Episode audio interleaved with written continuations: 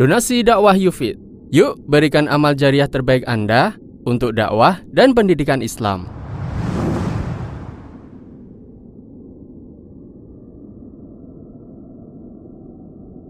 Bismillahirrahmanirrahim. Assalamualaikum warahmatullahi wabarakatuh. Alhamdulillahi Wabihi alamin. Wa bihi nasta'inu على أمر الدنيا والدين وصلى الله على نبينا وسيدنا محمد وعلى آله وصحبه أجمعين أما بعد Kita panjatkan puja dan puji syukur kehadirat Allah Subhanahu wa taala. Pada kesempatan malam yang berbahagia kali ini tanggal 15 Sya'ban 1440 Hijriah atau yang bertepatan dengan tanggal 19 April 2019 kita masih kembali diberi kekuatan, kesehatan, hidayah serta taufik dari Allah Jalla wa ala sehingga kita bisa kembali menghadiri pengajian rutin untuk membahas adab dan akhlak yang kita ambil dari Kitabul Jami' dari Bulughul Maram karya Imam Ibn Hajar Al-Asqalani rahimahullah. Kita berharap semoga Allah Subhanahu wa taala berkenan untuk melimpahkan kepada kita semuanya ilmu yang bermanfaat sehingga bisa kita amalkan sebagai bekal untuk menghadap kepada Allah Jalla Allahumma amin. Salam dan salam Semoga senantiasa tercurahkan kepada junjungan kita Nabi Agung Muhammad sallallahu alaihi wasallam kepada keluarganya, sahabatnya dan umatnya yang setia mengikuti tuntunannya hingga di akhir nanti. Para hadirin dan hadirat sekalian yang kami hormati dan juga segenap pendengar Radio Insani 88.8 FM di Purwokerto, Purbalingga, Banyumas, Cilacap, Wonosobo, Banjarnegara, Kebumen dan sekitarnya. Juga para pemirsa Yufi TV, Niaga TV dan Surau TV yang mudah-mudahan senantiasa dirahmati oleh Allah Azza wa Jalla. Hari ini kita akan menyelesaikan pembahasan tentang hadis nomor berapa? 32 yang dibawakan oleh Imam Ibn Hajar Al-Asqalani dalam Kitabul Jami' dari karya beliau Bulughul Maram yaitu hadis yang berbunyi wa an Abi Hurairah radhiyallahu anhu qala dari sahabat Nabi SAW Abu Hurairah semoga Allah meridai beliau. Qala Rasulullah sallallahu alaihi wasallam Rasulullah sallallahu alaihi wasallam bersabda ta'isa abdud dinari wad dirhami wal qatifah celaka binasa merugi para budak dinar budak dirham dan budak busana. Ya, celaka binasa para budak dinar budak dirham dan budak busana. Atau kira-kira celakalah budak dunia. Ini yang kita bahas pada pertemuan yang lalu. Malam hari ini kita akan kaji kelanjutannya yaitu sabda Nabi sallallahu alaihi wasallam in u'tiya radhi wa illam yu'ta lam yarda para budak dunia itu kalau dikasih dia akan ridho. Dan kalau tidak dikasih dia akan tidak ridho alias dia akan protes. Akhrajahul Bukhari. Hadis riwayat Bukhari. Ujung dari hadis ini menggambarkan tentang karakter budak dunia budak dunia itu kalau dikasih banyak dia akan ridho kalau dikasih sedikit atau tidak dikasih dia akan protes dia akan marah-marah dia akan jengkel dan seterusnya. Sikap seperti ini tidak terima dengan pembagian Allah Azza wa Jalla adalah salah satu efek buruk ketika seorang tidak mengenal Allah. Orang yang suka protes dengan jatah yang Allah berikan kepada dia, ini karakter buruk merupakan efek negatif dari ketidakpahaman dia tentang Allah. Dari mana kita bisa mengenal Allah? Dari Asmaul Husna dan juga dari sifat-sifat Allah yang mulia serta dari alam semesta. Di antara Asmaul Husna yang perlu kita fahami adalah Ar-Razzaq. Apa? Ar-Razzaq. Artinya Maha pemberi rizki. Apa artinya Maha pemberi rizki? Artinya apa yang kita dapatkan di muka bumi ini entah itu rizki yang sifatnya kesehatan, entah itu rizki yang sifatnya pasangan hidup, entah itu rizki yang sifatnya duit, entah itu rizki yang sifatnya keimanan, semua rizki ini yang memberi siapa? Allah. Nah, salah satu makna dari Ar-Razzaq adalah Allah subhanahu wa ta'ala membagi rizki terserah dia. Terserah dia. Terserah siapa? Terserah Allah. Sehingga Allah Subhanahu wa taala membagi antara satu orang dengan orang yang lain tidak mesti sama. Antara rizki yang Allah berikan kepada si A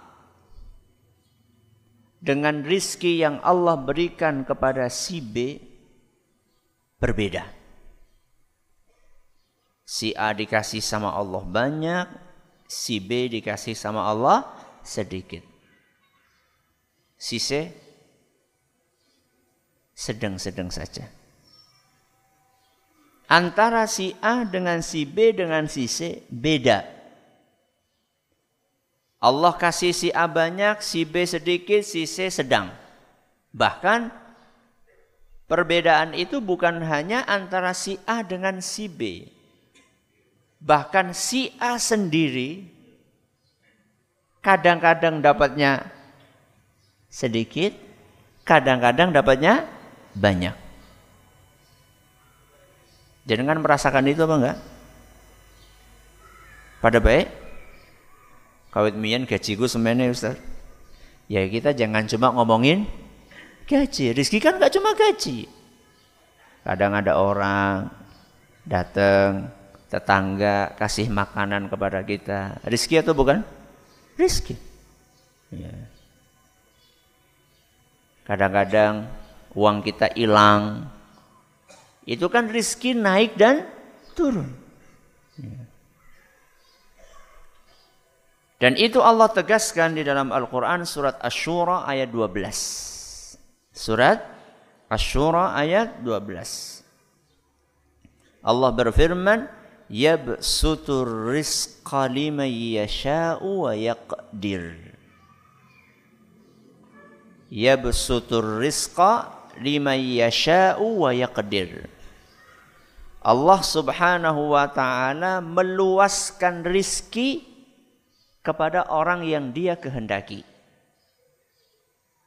Allah subhanahu wa ta'ala meluaskan rizki untuk orang yang dia kehendaki. Wa yakdir dan sebaliknya Allah membuat sempit rizki sebagian orang. Jadi yang mengatur ini luas, ini sempit.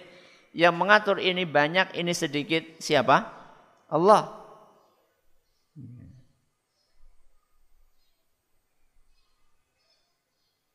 Dan ketika Allah subhanahu wa ta'ala menakdirkan seperti itu, Apakah Allah adil? Kok diam aja? Apakah Allah adil? Jenengan miskin, tetangga jenengan kaya adil? Jenengan sholat rajin, rizkinya sedikit, tanggane orang sholat, rizkinya akeh, adil? Pokoknya. Bagus. Allah subhanahu wa ta'ala ketika membagi rizki tidak sama antara si A dengan si B. Bahkan si A sendiri kadang besar rizkinya, kadang kecil, kadang banyak, kadang sedikit, kadang lancar, kadang seret. Ini adalah bentuk keadilan Allah subhanahu wa ta'ala kepada kita. Dan setiap ketetapan Allah pasti ada hikmahnya. Karena di antara asmaul husnanya Allah Al-Hakim. Apa Al-Hakim? Yang maha bijaksana. Setiap apa yang Allah takdirkan, setiap apa yang Allah tetapkan di balik itu pasti ada hikmahnya. Cuman ada yang tahu, ada yang tidak. Ada yang faham, ada yang tidak. Dan mudah-mudahan kita termasuk orang-orang yang paham. Para ulama kita berdasarkan dalil-dalil dari Al-Quran maupun hadis Rasul Sallallahu Alaihi Wasallam berusaha menggali apa hikmah dibalik tidak samanya rizki manusia. Apa hikmah dibalik bertingkat-tingkatnya rizki manusia? Apa hikmah dibalik berkelas-kelasnya level kehidupan manusia? Apa hikmahnya? Tadi saya coba cari-cari terkumpul sekurang-kurangnya ada empat hikmahnya. Dan saya tidak katakan hikmahnya cuma empat. Makanya tadi saya katakan sekurang-kurangnya. Bisa jadi selain empat ini akan masih banyak hikmah yang belum bisa kita gali. Yang pertama, hikmah dibalik tidak samanya rizki manusia. Yang pertama, agar kita menyadari bahwa di akhirat kelak manusia juga tidak sama. Tingkatannya. Agar kita menyadari bahwa di akhirat kelak manusia juga tidak sama tingkatannya. Akhirat itu alam gaib. Betul? Yang kita belum lihat Adapun alam dunia bisa kita lihat saat ini. Allah Subhanahu wa taala membuat alam dunia yang bisa kita lihat, yang bisa kita rasakan, yang bisa kita dengarkan. Salah satu hikmahnya adalah agar kita bisa berfikir tentang alam akhirat. Allah berfirman di dalam Al-Qur'an surat Al-Isra ayat 21. Surat apa? Al-Isra ayat 21. Tadi yang pertama surat apa? Asy-Syura. Ya. Dalam surat Al-Isra ayat 21 Allah Subhanahu wa taala berfirman, "Unzur kaifa faddalna ba'dahum 'ala ba'd." Lihat. Perhatikan bagaimana kami membuat manusia itu tidak sama. Tidak sama apanya tadi? Rezekinya. Ada yang kaya, ada yang miskin. Ada yang hidupnya mewah, betul-betul mewah. Ada yang hidupnya mepet, sawah. Sama-sama mewah. Ya. Lihatlah Bagaimana kami yaitu Allah Subhanahu wa taala membuat kehidupan manusia tidak sama ketika di dunia.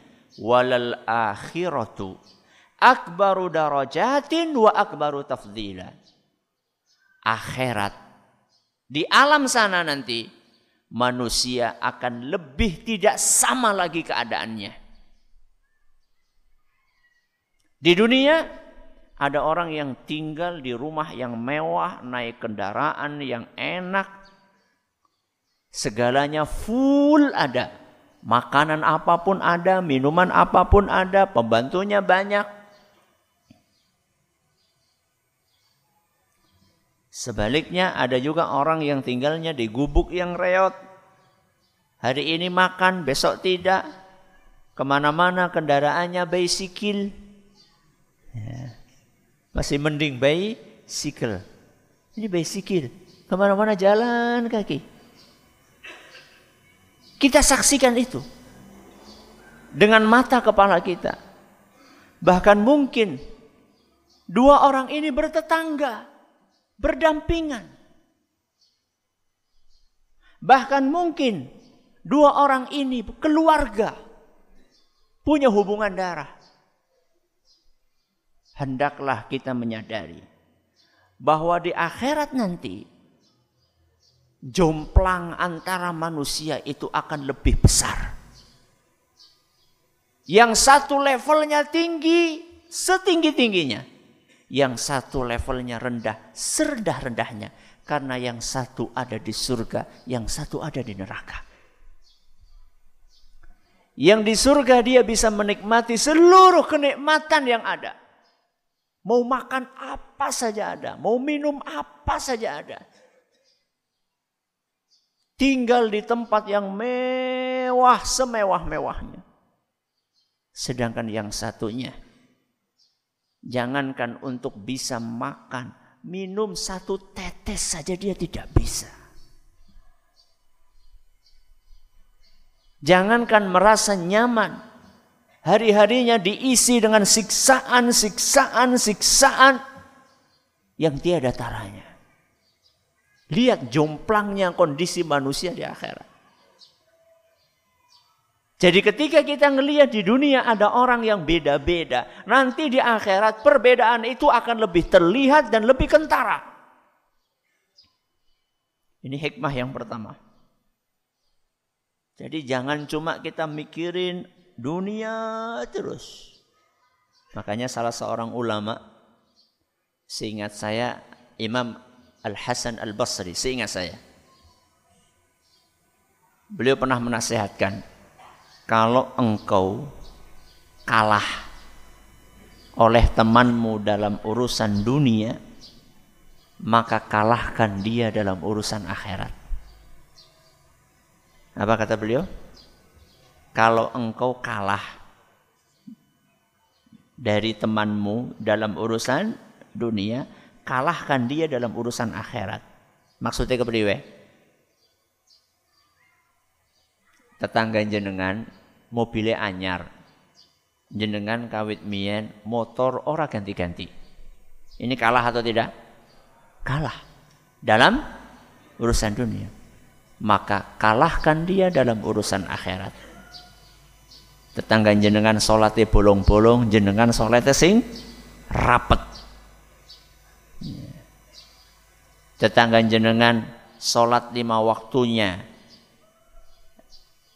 di masjid tapi sok telat-telat jenengan salat lima waktunya di masjid enggak telat ya. teman jenengan ini jarang sedekah, maka jenengan banyak sedekah. Kalahkan dia. Karena kita sadar bahwa perbedaan level manusia di akhirat itu akan jauh lebih kentara dibandingkan perbedaan level manusia di dunia. Dan itu tergantung karunia dari Allah yang pertama kemudian bagaimana usaha maksimal kita ketika di dunia. Ini hikmah yang keberapa? Yang pertama. Apa tadi? Agar kita menyadari bahwa di akhirat nanti manusia pun akan bertingkat-tingkat. Yang kedua, apa hikmahnya Allah membuat rizki manusia tidak sama? Yang kedua, melatih syukur dan sabar. Melatih syukur dan sabar. Dua S ya dan dua R syukur sama sabar. Dua sejoli.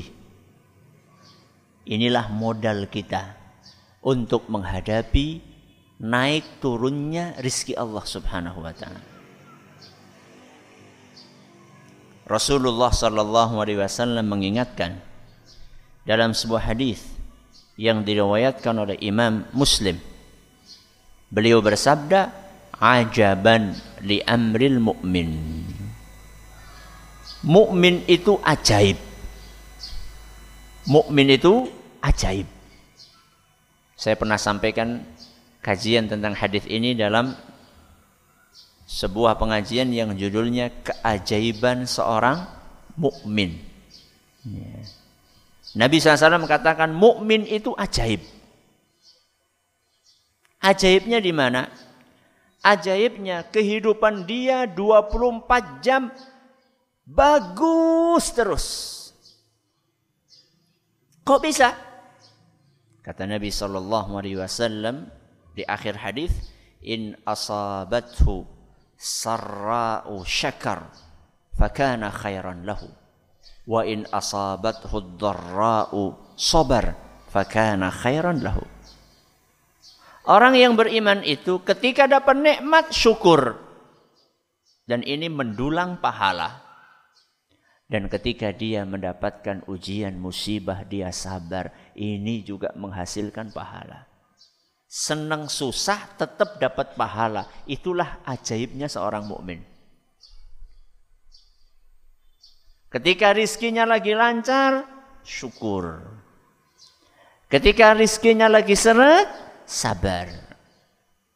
Ketika dia bersyukur dia dapat pahala, ketika dia bersabar dia juga dapat pahala.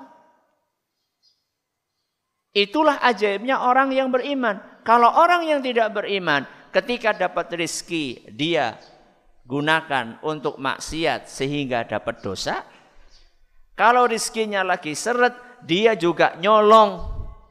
Akhirnya dapat dosa pula. Maka orang yang beriman ajaib terus kehidupannya. Allah Subhanahu wa taala sengaja membuat rizki manusia tidak sama. Untuk melatih kita syukur atau tidak, sabar atau tidak. Ketika rizkinya lagi banyak, syukur. Kita peduli dengan orang lain. Kita punya tetangga kekurangan. Kita punya saudara kekurangan Sebaliknya ketika kita sedang mendapatkan kesusahan rizki, kita juga berusaha untuk menahan diri, tidak iri dengan orang lain. Sabar. Apakah sabar artinya tidak berdoa? Sabar artinya tidak berdoa? Tetap berdoa. Ketika kita dikaruniai oleh Allah Subhanahu wa taala ujian berupa rizki yang seret, kita bersabar, tetap kita berdoa. Berdoa pun dapat pahala. Sabarnya dapat pahala, doanya juga dapat pahala. Luar biasa. Jenengan biasanya minta rizki supaya lancar ketika lagi seret apa ketika lagi lancar? Jujur. Lagi seret. Ketika lagi lancar, lancar jenengan sempat gak doa ya Allah berilah rizki, ya Allah berilah rizki. Doa apa orang? Hah? Doa, masya Allah, temenan gitu. Donga tapi sing liane Ustaz. kan rezeki wis ana Ustaz. Itulah kita. Makanya kadang-kadang Allah Subhanahu wa taala ingatkan kita, eh, suwe orang donga. Udah lama nggak berdoa. Ayo dibikin sempit rezekinya sama Allah supaya mengangkat tangan kepada Allah Subhanahu wa taala. Kalau kita angkat tangan, kita berdoa kepada Allah, sing untung siapa? Awak dewe.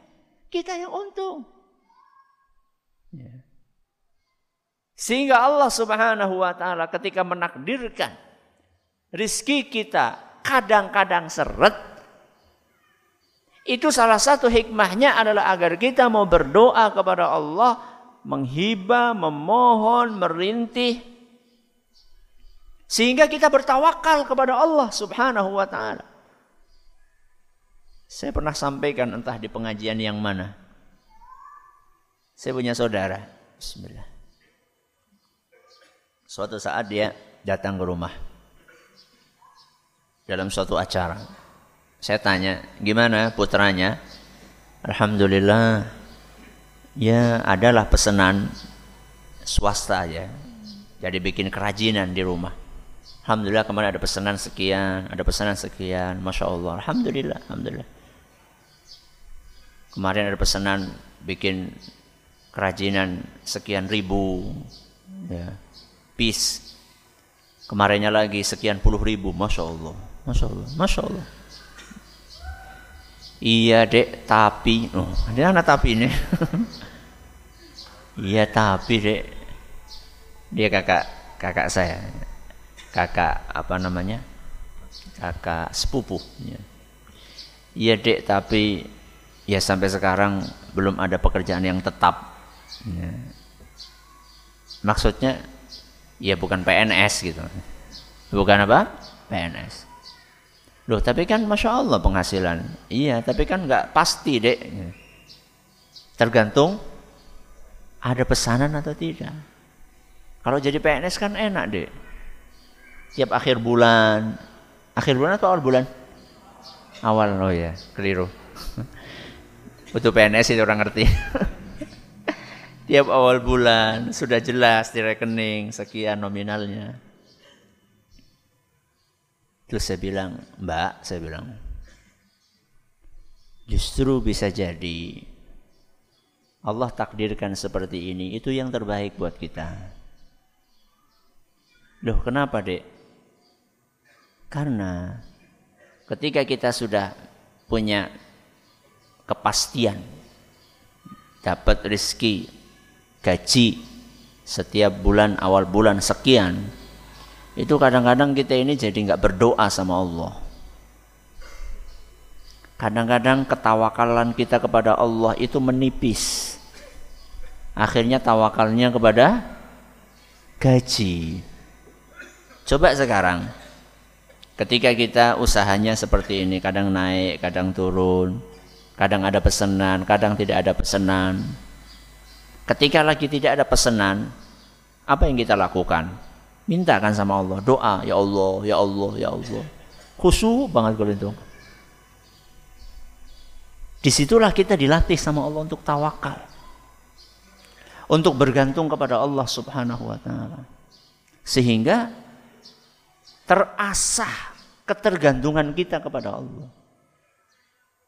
Oh iya ya dek ya, Alhamdulillah syukuri. Iya syukuri pak. Ya. Berarti nggak boleh daftar PNS? Ya boleh. Yang larang siapa? Boleh-boleh saja. Ya. Tapi tawakalnya jangan kepada gaji. Tawakalnya kepada Allah. Ya. Ini adalah hikmah yang kedua. Melatih apa tadi? Syukur dan sabar. Yang ketiga, Allah bikin rizki manusia beda-beda agar saling memanfaatkan. Agar manusia saling memanfaatkan.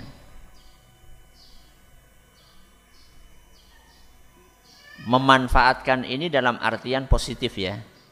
Ya. Bukan dalam artian negatif. Gimana itu Ustaz? Allah jelaskan hal itu dalam Al-Quran surat Ash-Shura. Maaf, surat Az-Zukhruf, maaf. Surat Az-Zukhruf. Ayat 32. Dalam surat Az-Zukhruf ayat 32 Allah Subhanahu wa taala berfirman wa rafa'na ba'dahum fawqa ba'din darajat kami angkat sebagian manusia derajatnya di atas sebagian yang lain dalam konteks kekayaan kami bikin sebagian orang lebih kaya dibandingkan yang lain kami bikin sebagian orang lebih miskin dibandingkan yang lain untuk apa? Kata Allah, liyattakhidha ba'duhum ba'dhan sukhriya. Agar mereka bisa saling memanfaatkan. Agar mereka bisa saling memanfaatkan. Dalam artian positif.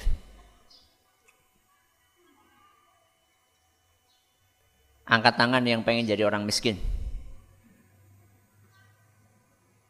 Orang nana si ya? Simbing dari wong sugih.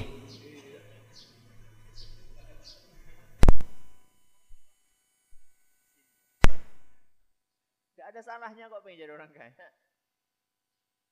Sekarang seandainya, seandainya Allah jadikan yang hadir di sini kaya semuanya, seandainya. Malah bukan yang hadir di sini. Orang satu kampung, jangan satu kampung, orang satu Indonesia kaya semua. Enak atau tidak enak?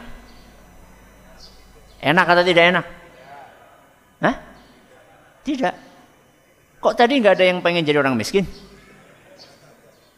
Ya maksudnya aja nyong Ustaz singkir. Anda itu ngatur Allah atau Anda diatur Allah? Ya kita usaha, tetap usaha. Tapi kan yang menakdirkan mau jadi kaya atau miskin adalah Allah. Kalau Allah jadikan orang se-Indonesia kaya semua, nggak enak. Karena kita tidak bisa saling memanfaatkan. Memanfaatkan apa Ustaz? Kita ini butuh tenaganya orang-orang miskin. Untuk apa? Banyak sekali. Orang kaya butuh butuh pembantu. Yang biasanya jadi pembantu orang kaya atau orang miskin? Orang miskin. Sekarang ada orang kaya, rumahnya tiga lantai. Rumahnya tiga lantai. Setiap lantai kamarnya sepuluh. Berarti berapa? Tiga puluh kamar. Kalau nggak ada pembantu, apa yang terjadi? Ya. Patah itu punggungnya. Ya. Yang ngepel siapa? Yang nyapu siapa? Yang nyuci siapa? Yang nyedot karpet siapa? Yang jemur kasur siapa? Itu baru urusan harian.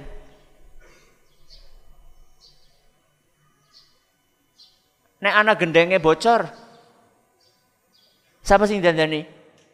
Jaluk tulung tanggane. Some ya. Nyong sugih kon dandani. Siapa? Enak hidup seperti itu.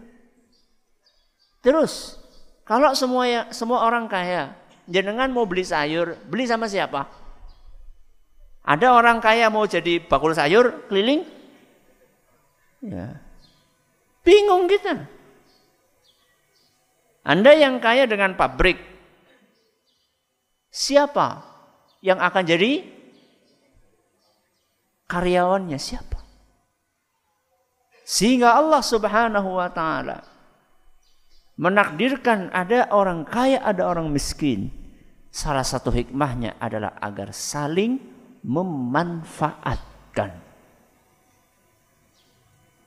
Dan ini yang Allah jelaskan dalam Al-Quran surat Az-Zukhruf ayat 32. Maka setelah ini jangan lagi protes. Kenapa ada si kaya dan kenapa ada si miskin? Jangan. Karena sungguh di balik takdir Allah ini banyak sekali hikmah luar biasa yang ternyata baru kita sadari setelah kita kupas, kita gali ayat-ayat Allah dan hadis-hadis Rasul SAW. Ini sudah berapa ini? Tiga. Yang keempat, agar manusia baik dan benar. Agar manusia baik dan benar.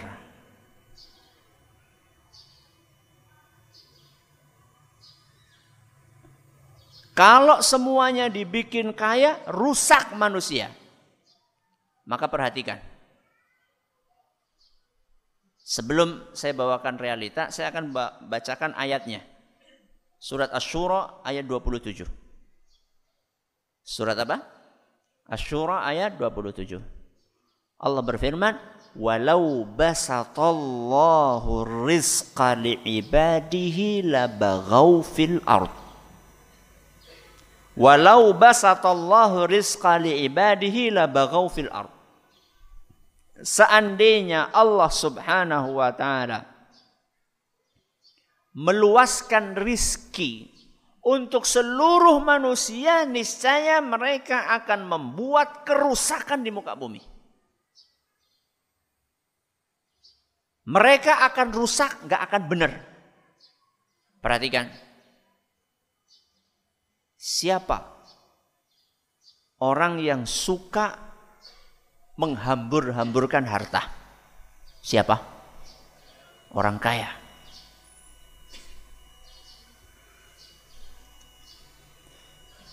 Orang miskin, dia akan berusaha menjaga hartanya semaksimal mungkin. Ya. Siapa yang biasa membuang-buang nasi? Orang kaya atau orang miskin? Orang kaya. Nasi baru makan separuh buang. Ya.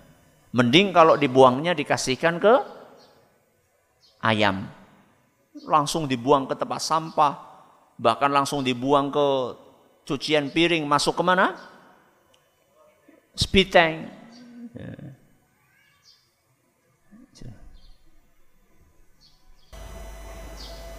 Alhamdulillah Rabbil Alamin Wassalatu wassalamu ala nabiyina Muhammadin Wa ala alihi wa sahbihi ajma'in wa ba'd Oleh karena itu Jamaah sekalian yang dihormati Allah subhanahu wa ta'ala Membikin sebagian manusia Miskin Allah bikin sebagian manusia kaya Dan itu tidak lepas dari Kebijaksanaan Allah azza wa jalla Allah tahu Ini orang cocoknya jadi orang miskin. Kalau dibikin kaya, rusak dia. Sebaliknya, Allah Subhanahu wa taala melihat orang ini cocoknya kaya. Kalau dibikin miskin, rusak dia. Dalam hadis yang dhaif tapi maknanya sahih disebutkan Inna min ibadi man la yasluhu imanuhu man la yasluhu imanuhu illa bil ghina ada sebagian hambaku, ada sebagian manusia yang tidak akan benar imannya kecuali ketika dia jadi orang kaya. Walau afqartuhu lakafar. Seandainya dia aku bikin miskin, maka dia akan kufur. Sebaliknya, wa inna min ibadi man la yasluhu imanuhu illa bil qillah. Ada sebagian manusia yang tidak akan lurus imannya kecuali ketika dijadikan miskin. Walau agnaituhu la kafar. Seandainya aku bikin dia kaya, dia akan kufur. Begitu halnya dengan kesehatan dan sakit. Ada sebagian manusia yang Allah tahu kalau dibikin sehat, dia rusak. Maka dia bikin nama Allah sakit. Ada sebaliknya, kalau dibikin sakit, rusak, maka Allah kasih dia sehat.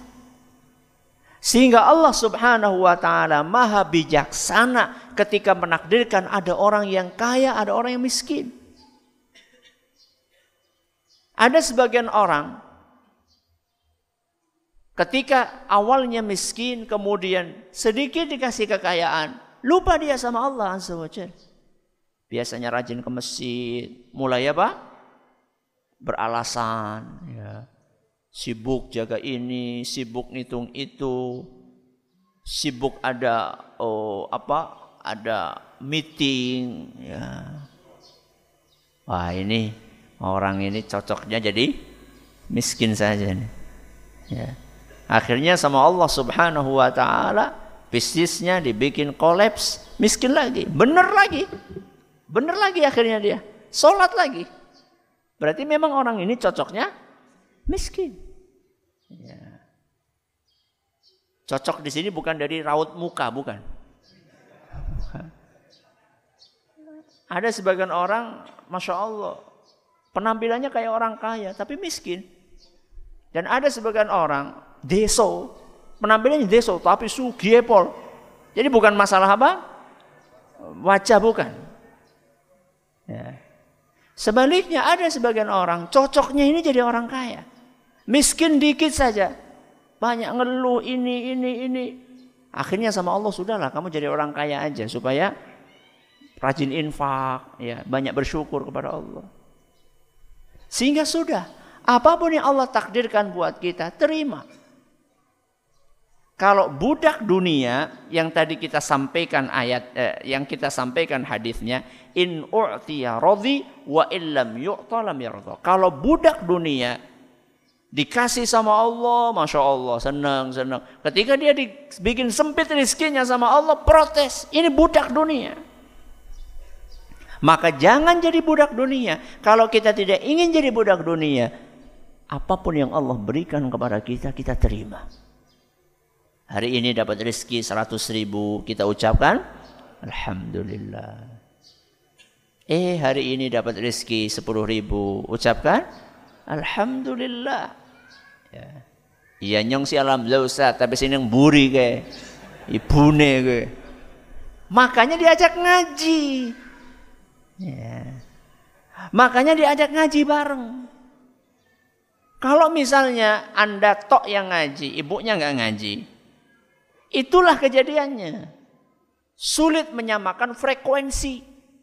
Ya. Visinya sudah beda, sulit. Makanya bareng-bareng ngajinya. Ustaz, nak diajak ngaji Ustaz, anak masih cilik-cilik, jadi ribut Ustaz. Bolak-balik dia mutakan dengan Ustaz. Bawa ke bawah.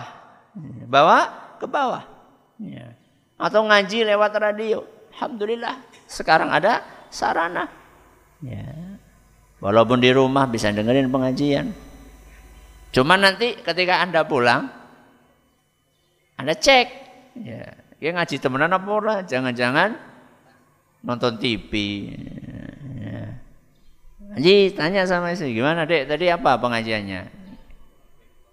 Anda juga siap-siap ditanya nanti. Ya. Bak, tadi pengajiannya apa coba? Jangan-jangan mainan HP. Jadi uh, inilah pentingnya kita ngaji ya, untuk menyamakan visi dan misi.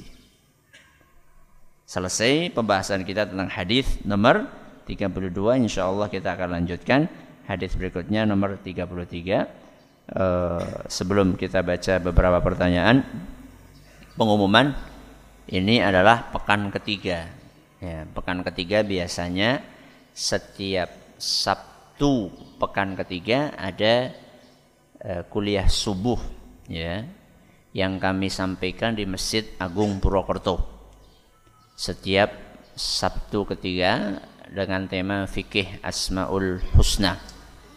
Kemudian di pekan yang ketiga juga malam Ahad besok Ba'da Maghrib sampai Isya kami ngisi kajian di masjid 17 di masjid 17 uh, eh, dengan tema tazkiyatu an-nafs dengan tema tazkiyatu an-nafs Ustadz apa definisi dari rizki ketika kita mendapatkan kesempatan untuk beramal apakah kesempatan ini bisa dikatakan rizki dari Allah Ya.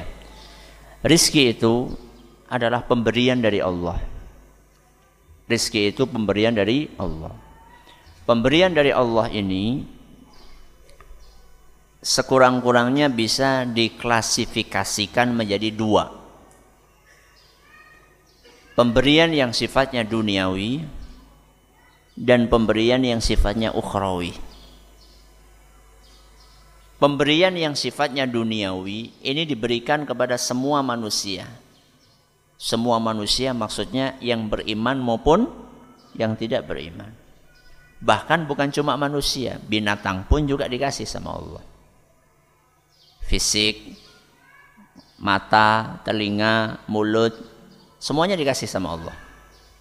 Mau orang beriman, mau tidak beriman, hujan, makan, minum, nafas, ini pemberian Allah yang sifatnya duniawi. Yang kedua apa tadi? Pemberian Allah yang sifatnya ukhrawi. Ukhrawi itu maksudnya iman, amal solih, hidayah. Ini adalah pemberian yang sifatnya ukhrawi karena akan mengantarkan kita ke akhirat. Ukhrawi kan diambil dari kata akhirat, membantu perjalanan kita di akhirat. Maka kalau ditanya ketika kita dapat kesempatan untuk beramal saleh, apakah itu rizki? Iya. Ini rizki yang sifatnya uh, ukhrawi. Bahkan rizki yang sifatnya ukhrawi ini lebih mahal dibandingkan rizki yang sifatnya duniawi. Kenapa? Karena rizki yang sifatnya ukhrawi tidak Allah berikan kepada sembarang orang. Beda dengan rizki yang sifatnya duniawi. Rizki yang sifatnya duniawi, semua orang dikasih. Sehingga tidak ada keistimewaannya apa-apa. Jadi kalau kita dijadikan kaya sama Allah, itu bukan tanda mutlak bahwa Allah itu sayang sama kita. Tapi kalau Allah bikin kita soleh, Allah takdirkan kita baik, rajin sholat, rajin ngaji, ya. baik sama istri sama anak-anak itu tanda Allah sayang sama kita ya.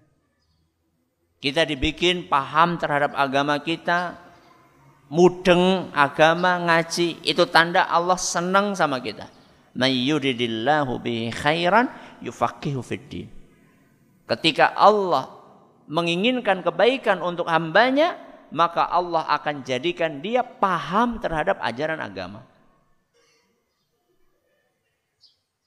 Makanya Rasulullah SAW membuat perbandingan antara rizki ukhrawi dengan duniawi dalam sabdanya rakaata al-fajri khairun minad dunya wa ma fiha. Salat qobliyah subuh dua rakaat itu lebih baik daripada dunia seisinya dunia seisinya itu rizki yang sifatnya duniawi. Dua rakaat qobliyah subuh rizki yang sifatnya ukhrawi. Dua rakaat qobliyah subuh yang ukhrawi ini lebih istimewa, lebih berharga, lebih mahal dibandingkan dunia seisinya. Milih sing endi? Milih sing endi? Loro-lorone seandainya memang cuma dapat salah satunya ya mudah-mudahan yang kita dapatkan adalah yang ukhrawi. Seandainya cuma satu, syukur-syukur dua-duanya. Wallahu taala a'la wa alam. Subhanakallahumma bihamdika asyhadu an la ilaha illa anta astaghfiruka wa atubu ilaik. Assalamualaikum warahmatullahi wabarakatuh.